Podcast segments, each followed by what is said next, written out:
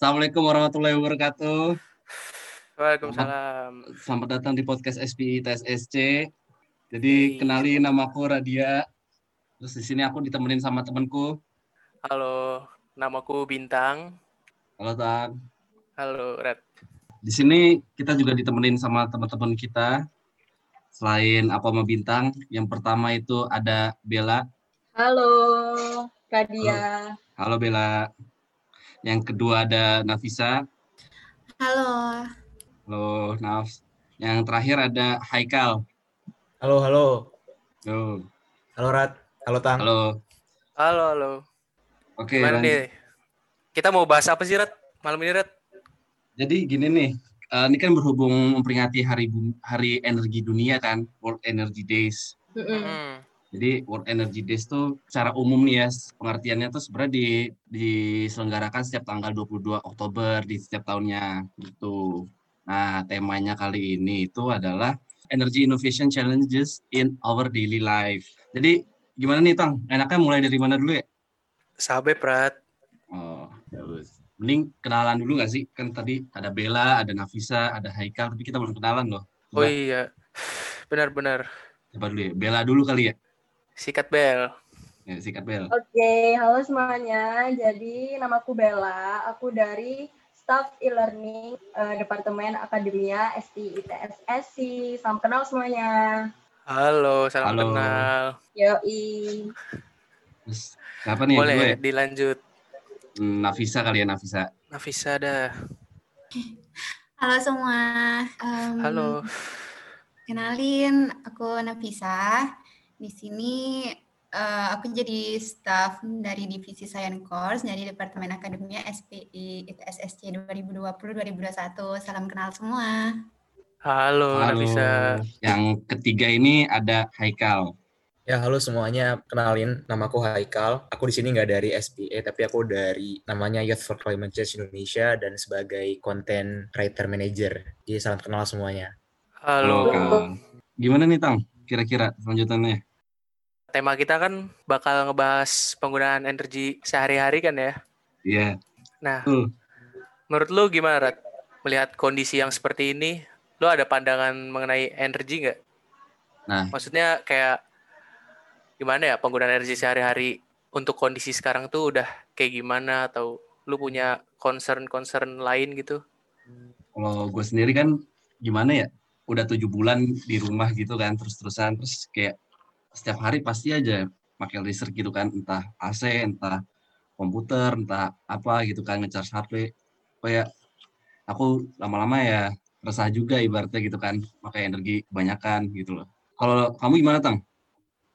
Sama sih kurang lebih kayak gitu. Soalnya kayak ya tapi mau gimana lagi ya karena kita keluar juga udah dibatasi kan. Terus semua aktivitas udah di switch ke online semua yang notabene pasti menggunakan listrik dan sebagainya macamnya gitu kan. Jadi ya menurut gue sih kayak nggak ada pilihan lain aja gitu. Hmm, iya iya sih. Mau gimana pun juga sekarang lagi corona gini kan pasti banyak aktivitas di rumah kan ya. Iya. Coba gimana ya? Kalau salah mending nanya langsung ke orangnya nggak sih, Kang? Boleh. Coba kita siapa ya? Nafisa deh, Nafisa. Iya, apa tuh? Menurut kamu gimana Naf kalau setelah penggunaan energi gitu? Terutama pas lagi musim corona gini. Em, ini secara pribadi ya, menurut aku ya. Iya, iya. Em, energi waktu kita lagi di rumah-rumah aja nih memang tinggi banget sih. Tapi eh, kita juga bisa kan kayak ngimbangin gimana caranya kita wasting energi kita nggak terlalu berlebihan. Apalagi kita notabene mahasiswa sekarang lagi kuliah online gitu. Menurut aku juga kita sebagai mahasiswa banyak-banyakin ini sih hmm, kesadaran diri dan ngingetin orang-orang di rumah juga, semisal penggunaan AC-nya itu jangan berlebihan, kayak ya udah kita biarkan jendela ter- jendela terbuka gitu itu sih hal-hal yang simple. Itu sih dari aku. Bener juga tuh ya, Nafisa. Terus kalau gimana Tang? Eh, iya Tang, gimana Tang? Ya bener sih, kurang lebih sama kan ya. Cuma ya kita juga harus tetap apa ya? nggak boleh boros-boros banget lah ya kayak sadar diri gitu kayak kalau misal udah berapa lama di AC ya sekali-kali lah ya buka jendela bener banget sih kan nggak baik juga kan lama-lama di ruangan ber AC gitu Iya ya. oke terus kalau menurut teman-teman yang lain gimana nih kayak dari Haikal dulu dah Oh, Haikal gimana tuh masalah energi ya. Gua- Yoi. Coba gua eh, aku coba kita coba bahas pelan-pelan dan kita coba lihat gitu. Eh, menurutku sih energi ini tuh patut dipertanyakan karena banyak manusia ini eh, melihat energi itu adalah suatu hal yang fana, padahal secara eh, nyatanya energi ini tuh ancaman yang benar-benar nyata dan banyak fakta-fakta mengenai ancaman tersebut gitu. Dan aku pengen punya satu pertanyaan sebenarnya kalau buat pribadiku dan buat teman-teman semuanya, eh, kayaknya ya, kayaknya menurutku itu mahasiswa nih yang harusnya sebagai pionir dalam perubahan energi, perubahan solusi-solusi di dunia ini, itu rasanya tuh lebih asik berdiskusi di sudut-sudut ruang kopi ketimbang berdiskusi perihal solusi karena permasalahan energi? Soalnya kalau misalkan Iya, aku lihat pembicaraan-pembicaraan mahasiswa tuh lebih ke arah eh, pragmatis, lebih ke arah eh, kesenangan pribadi ketimbang mencari solusi perihal energi gitu. Jadi yang perlu dipertanyakan adalah hantu hantu yang kita lihat secara fana ini sebenarnya adalah ancaman yang benar-benar nyata di depan kita gitu. Dengan banyaknya kegiatan-kegiatan sehari-hari kita yang pakai AC, kegiatan-kegiatan kecil yang sebenarnya itu kalau misalkan kita kalkulasikan, kita integrasikan permasalahan itu bisa menjadi permasalahan yang cukup besar dan benar-benar nyata perihal energi ini gitu. Kalau kita lihat dari sudut pandang permasalahannya. Itu sih sebenarnya. Aku baru kepikiran loh. Sebenarnya kita juga sebagai mahasiswa tuh seneng nongkrong-nongkrong, ngopi-ngopi gitu kan. Apalagi di tempat ber-AC gitu kan. Kalau Bella, ada tanggapan nggak Bel? Menurut kamu gimana tuh enakan?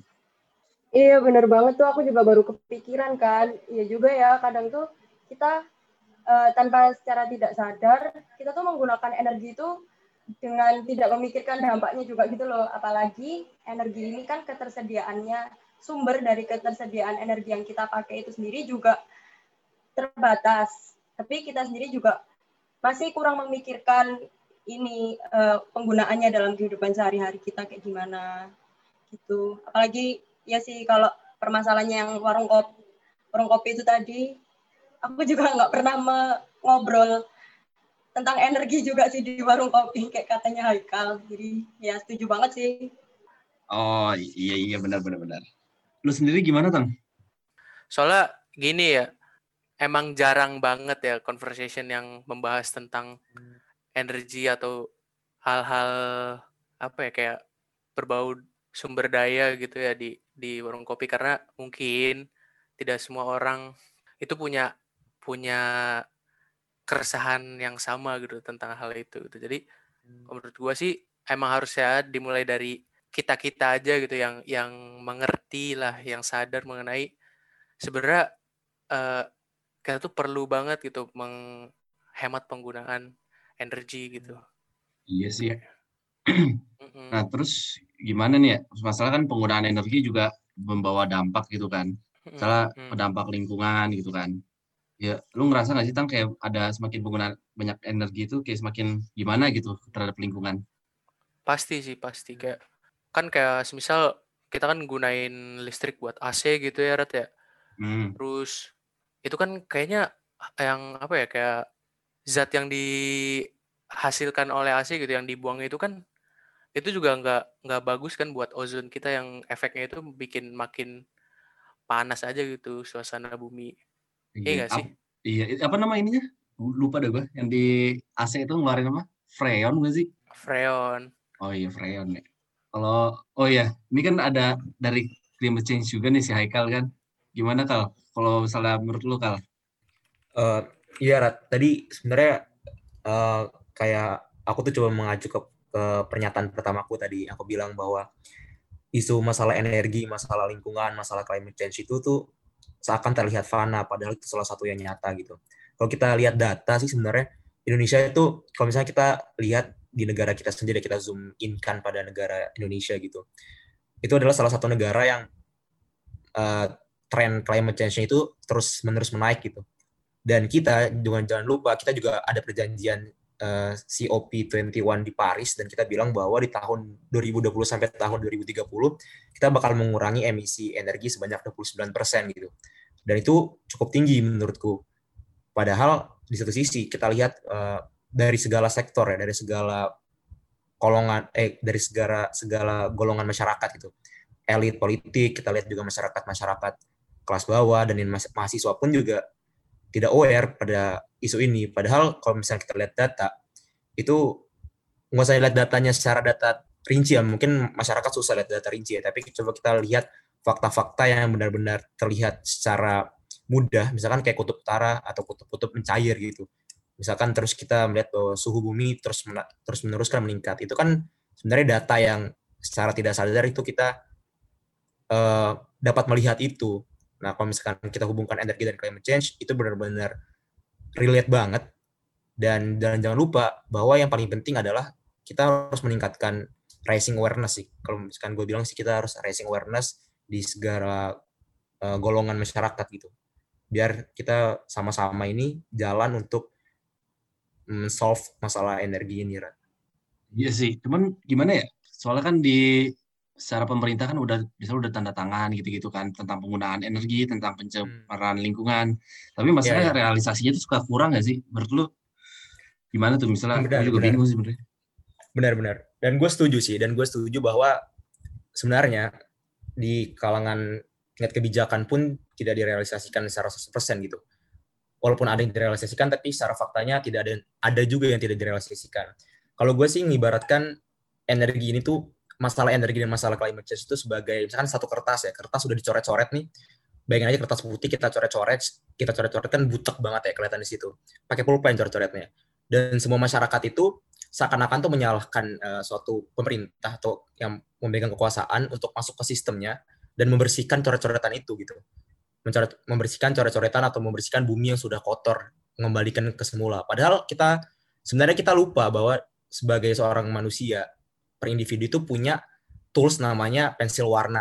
Pensil warna ini kayak aku tuh ngibaratin adalah inovasi-inovasi kecil kita, inovasi-inovasi mikro, tapi kalau kita kolektifkan itu bisa berdampak makro gitu. Jadi coba bayangin aja setiap orang menggoreskan satu kali pensil warna aja.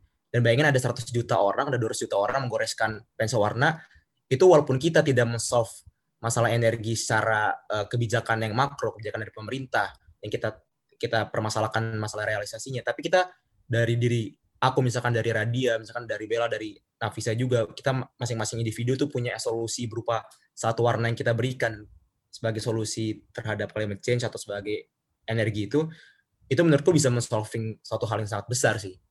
Misalkan contohnya ada pemuda di Depok tuh pernah ketemu dia buat uh, sendalu permaculture gitu itu gerakan menanam di rumah. Dan itu gerakannya dari dulu yang pernah pertama cuma 500 orang sekarang platformnya udah sampai 10 ribu orang gitu. Dan akhirnya salah satu RW di Depok itu buat komunitas bersama untuk menanam di rumah gitu. Itu kan gerakan kecil tapi kalau misalkan ada 100 juta orang 100 ribu orang aja itu udah udah sebagai satu gerakan besar gitu loh.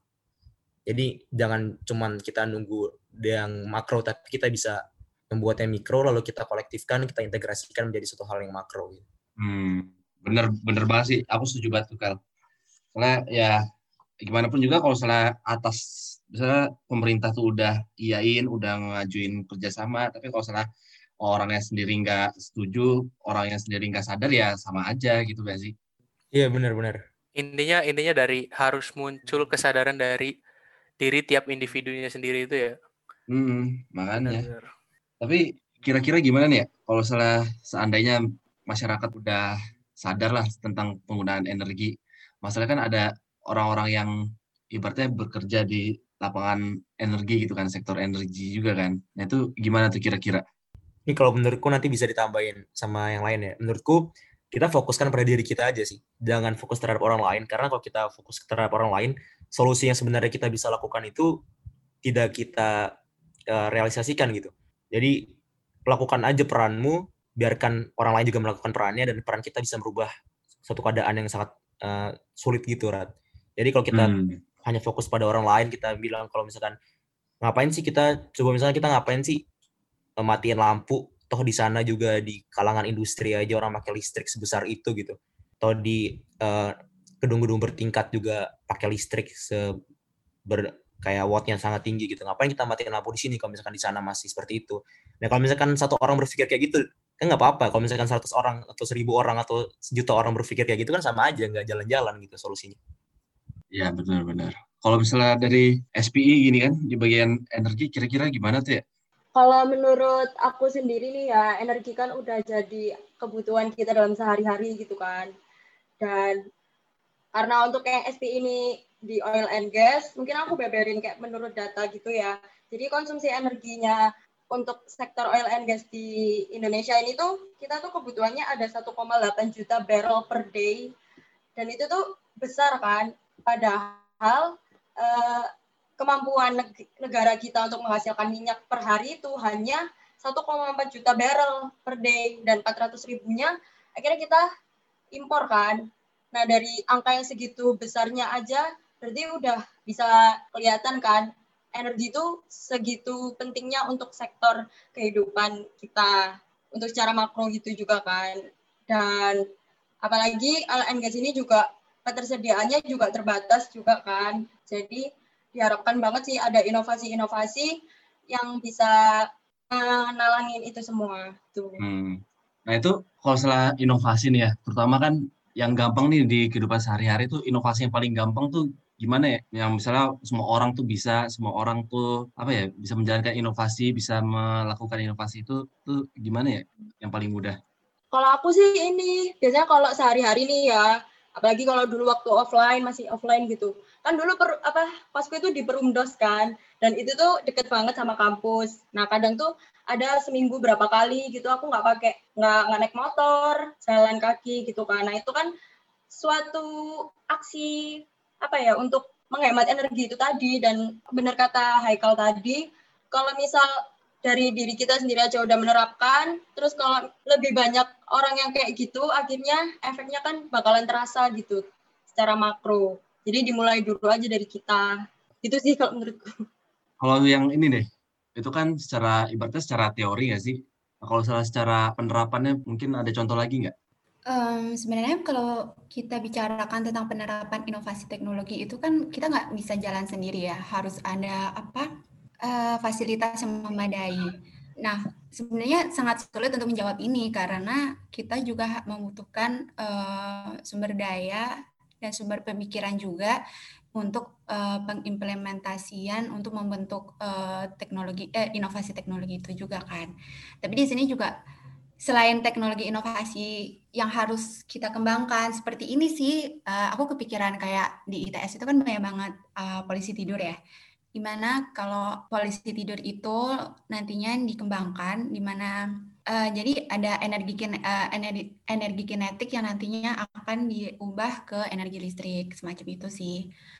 Tapi kalau semisal ditanya lagi tentang apa sih yang bisa dilakukan untuk uh, inovasi teknologi itu sendiri sih sangat susah untuk dilakukan karena kita belum adanya uh, teknologi yang memadai tapi di sini juga aku uh, ingin nambahin sih, kita kan mahasiswa nih.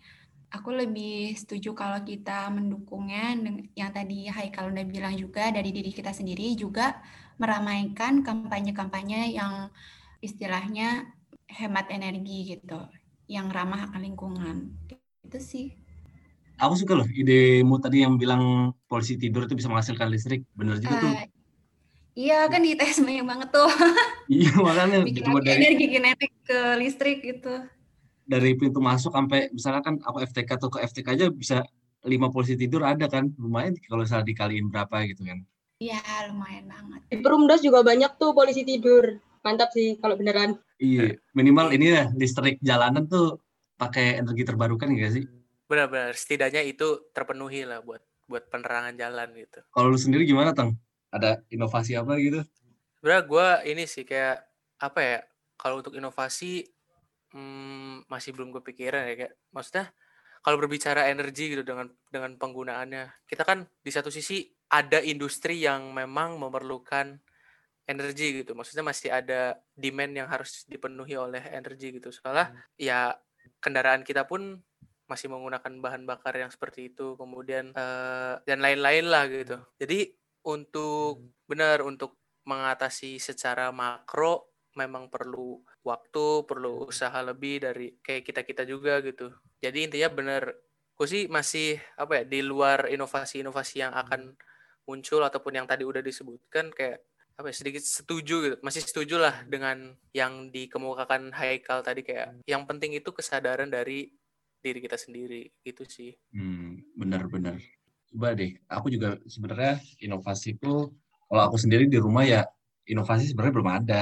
Cuman aku berusaha untuk mengurangi penggunaan energi listrik, minimal handphone tuh nggak ngecharge sering-sering atau AC itu nggak nyala lama. Cuman kalau menurutku sendiri ya, kalau dari pengalamanku sendiri kalau salah penggunaan listrik skala kayak gitu kan masih kurang tuh. Aku juga bingung gimana gitu kan. Jadi intinya ya bener kayak tadi gak sih Red kayak harus dikembalikan lagi kepada individunya gitu hmm. sadar bahwa uh, setiap hal terutama kayak penggunaan energi kita dalam kehidupan sehari-hari itu mm-hmm. punya dampak ke lingkungan gitu baik buruknya itu pasti ada gitu Red. ya gak sih yes.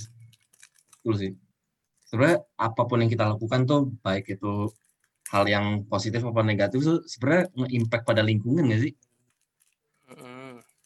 contohnya misalnya penggunaan listrik nih kita penggunaannya gede-gedean rumah itu nyala terus listriknya dari pagi sampai malam semuanya nyala. Kan ujung-ujungnya juga apa itu ya penggunaan listrik jadi lebih tinggi kan? Terus produksi jadi lebih tinggi gak sih? Kayak gitu gak sih konsepnya sebenarnya? Iya iya. Benar intinya intinya kita harus bijak lah. Kita menggunakan hanya ketika butuh saja gitu. Jadi tidak secara berlebihan. Soalnya kita juga kan ada kebutuhan yang harus dipenuhi kan? Yang hmm. di mana kebutuhan tersebut harus menggunakan salah satu energi gitu kan? Jadi intinya harus bijak aja. Iya. Yeah. mungkin kalau ngomongin inovasi tadi dari Haikal belum ini deh kayaknya. Aku penasaran ada inovasi apa sih kira-kira untuk yang energi ini dari Haikal sendiri? Uh, oke okay, coba ya sebenarnya kalau inovasi sih aku mm -mm. Uh, berangkat dari kayak gini kita coba buat inovasi sesuai passion dan bidang kita masing-masing gitu. misalkan kayak tadi Nafisa berpikir uh, sampai ke sana gitu sampai ke trotoar yang benar-benar menurutku kayak uh, out of the box banget idenya gitu uh, tapi kalau misalkan aku pribadi aku nggak kepikiran mungkin karena aku nggak bersentuhan dengan terlalu teknik kayak gitu tapi mungkin misalkan aku bisa ngasih solusi aku misalnya kayak buat platform yang selalu aku ngepost tulisan setiap hari tentang energi gitu. Itu kan solusi juga gitu solusi untuk meningkatkan uh, awareness masyarakat. Jadi aku nggak berpikir sampai sana tapi aku bergerak sesuai passionku. Kalau misalkan menurutku solusinya itu. Aku sebenarnya kepikiran solusi sih ini sebenarnya cukup mudah ya kalau misalkan kita sebagai mahasiswa kita bisa uh, coba menuliskan petisi atau misalnya kita kesepakatan bersama untuk ngasih masukan ke rektorat gitu ya. Misalnya kita ngasih masukan kalau ujian di mahasiswa tuh jangan pakai kertas lagi. Atau misalkan laporan praktikum tuh nggak usah pakai kertas oh. lagi. Atau misalkan gambar teknik oh, ya, pakai kertas lagi. itu.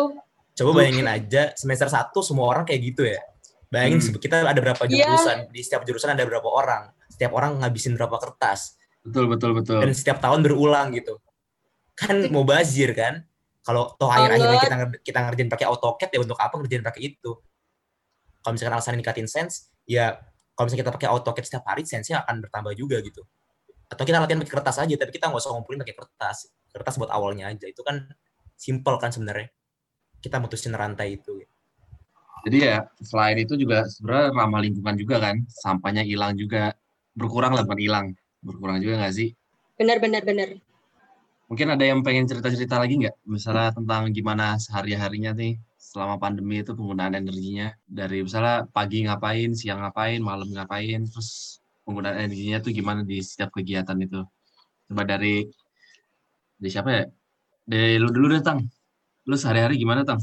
Uh, sebenarnya kalau gue ya sama sih, kayak tetap pakai maksudnya ya kan kita juga di rumah aja gitu kan ya. Terus tetap pakai uh, listrik gitu buat buat melakukan kegiatan. Cuma kalau gue udah akhir-akhir ini itu sering banget nih kalau misal ada kelas di apa kelas pagi gitu ya kan bangun tidur gue pakai pakai AC Cuma ketika kelas dari pagi sampai sore gitu, biasanya gue di luar gitu, nggak pakai AC. Duduk aja di di kayak di teras gitu, kena kena angin, angin sepoi-sepoi lah ya, biar slow gitu kan.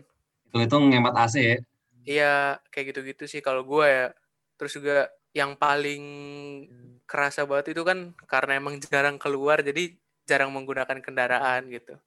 Mm. Jadi ya itu juga salah satunya sih jadi kayak kita ya kehitung lah kayak lebih hemat aja gitu penggunaan bahan bakar gitu Tapi ini nggak sih, misalkan kita kan cenderung nggak keluar rumah nih, otomatis kan Hmm. penggunaan bensin berkurang nggak sih?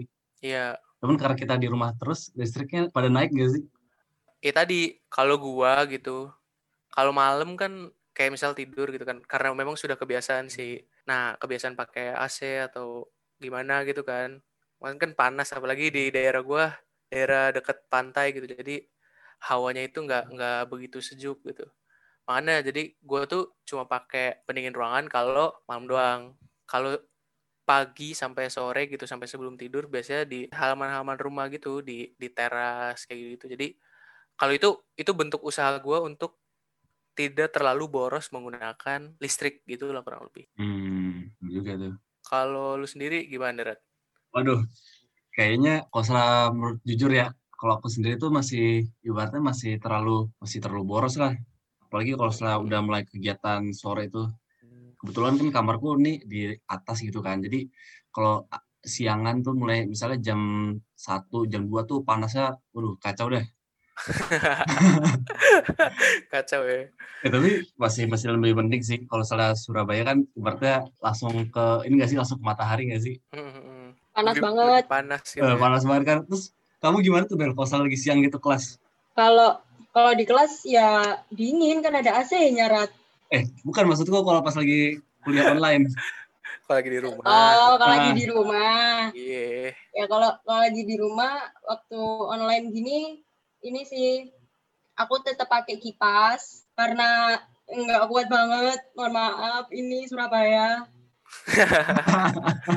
ini hemat aku hemat energinya mungkin bukan di kipasnya ya, mungkin eh, lebih ke lampu karena Ah. ya emang siang-siang juga kan terus kita ngadepnya kan juga ke laptop masih Nah, terang iya. gitu kan jadi nggak perlu perlu banget lah kalau lampu tapi buat kipas eh butuh sih itu masih Butuh ya. Panas banget soalnya ya Surabaya. aduh gila tahu sendiri lah ya iya bener-bener. nggak pernah hujan bro Oh iya, ini bukan udah masuk musim hujan ya?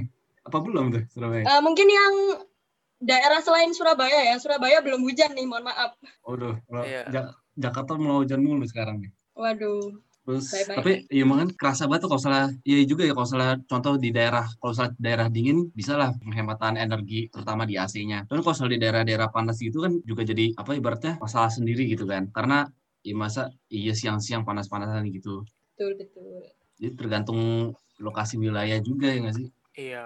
Kalau Haikal gimana Kal? Ada tentang tanggapan lu tentang kondisi wilayah gimana Kal? kondisi wilayah eh, iya sih berpengaruh banget sih buat penggunaan sebenarnya. Walau walau sebenarnya menurutku sih sebenarnya Indonesia hampir sama ya semuanya tropis ya. Mungkin Surabaya sama Jakarta lebih ekstrim. Surabaya ekstrim banget sih bukan ekstrim aja dia ekstrim banget panasnya.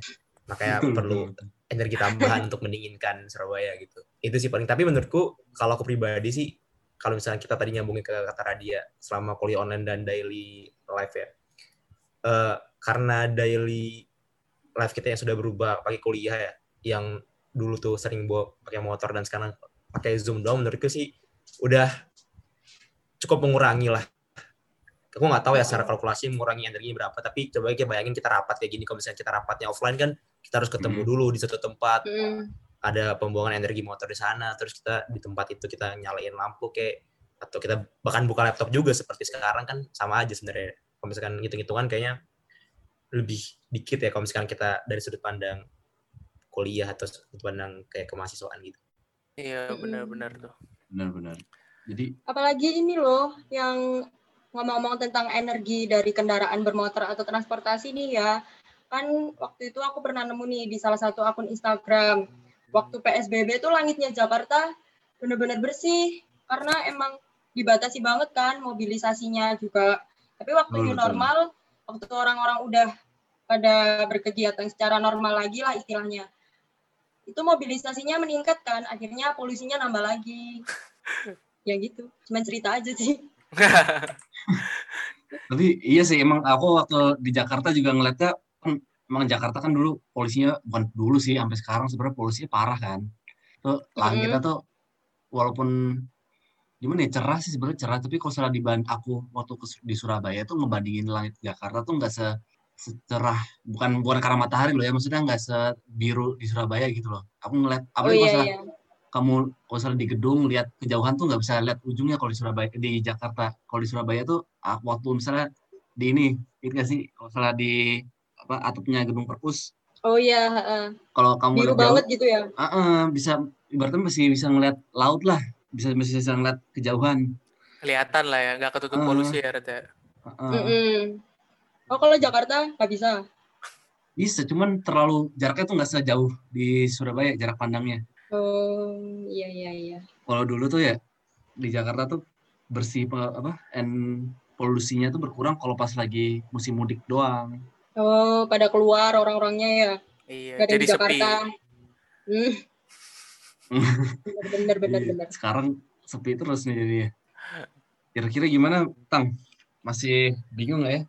Kalau gue sih, gue pribadi ya udah dapet lah poinnya gitu. Ya meskipun eh, hal yang udah kita lakukan ini udah setidaknya tuh udah berusaha gitu untuk menurunkan kalkulasi penggunaan energi yang yang punya efek buruk gitu buat lingkungan. Ya meskipun tidak semasif itu gitu ya jumlah penurunannya, tapi eh, kita kayak udah ngejalanin aja gitu kayak kayak gimana ya, kayak sudah sadar gitu bahwasannya eh, penggunaan energi yang berlebih itu nggak nggak bagus gitu. Hmm, betul betul.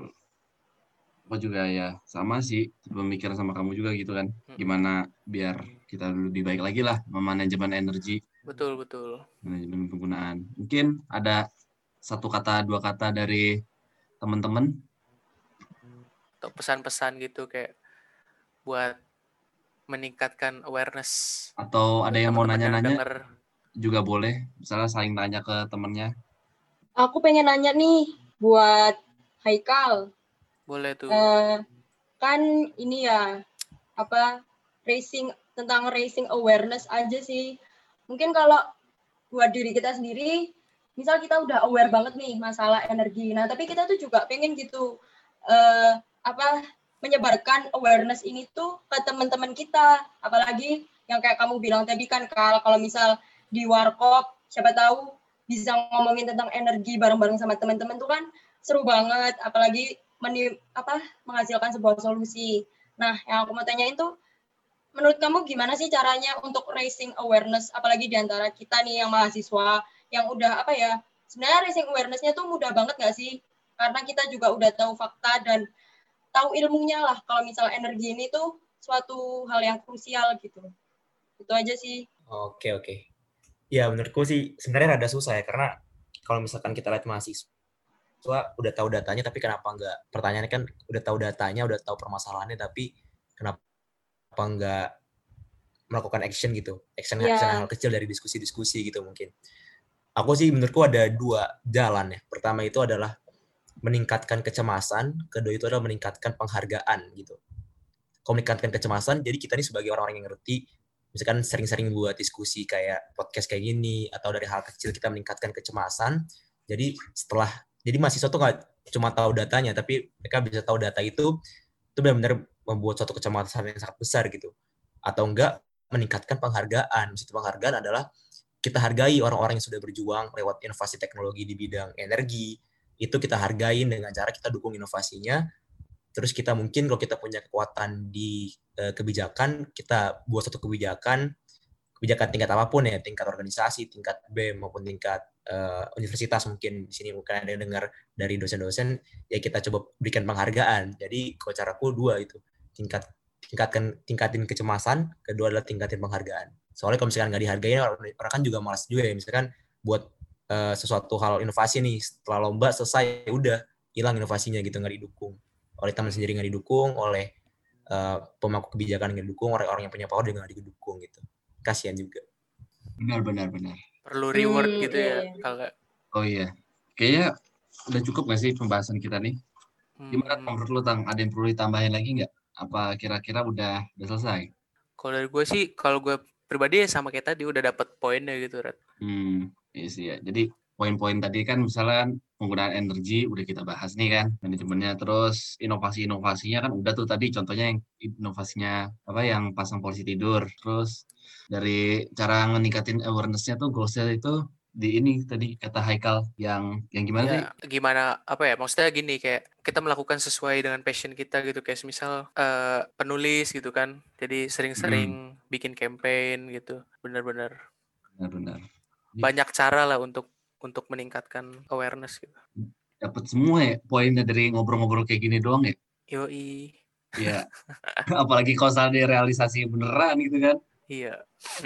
Oke. Mungkin mungkin sekian kali ya dari kita semua. Ada yang Dan dicukupkan lagi. Ah, sudah dicukupkan kali ya. Oh iya, eh, aku mau bilang makasih nih buat teman-teman yang udah hadir. Ada Bella, Iya, makasih juga Radia Bintang. Iya, thank ada you. Nafisa, Iya, aku juga berterima kasih nih sama semuanya untuk sharing-sharing session kayak gini. Seru banget. ya, ada Haikal, Ya makasih banyak nih buat Radia, semua bintang dan teman-teman semuanya yang udah ngasih insight-insight baru. ya, Thank you banget. thank you banget nih. Tapi kalau nggak gini nih, aku juga nggak tahu nih ya, bakal ada ide baru apa, bakal ada cara-cara apa, bakal ada inovasi apa tuh, nggak bakal kepikiran juga sih. Iya, mu- mudah-mudahan akan muncul lah ide-ide baru lagi gitu ya nggak sih? Benar, benar, benar. Dan harapannya ke depan tuh bisa direalisasi juga, nggak cuma ide-ide doang yang berkembang. Iya, eksekusi ya, eksekusi. Ya benar, eksekusi. Oke, Radia.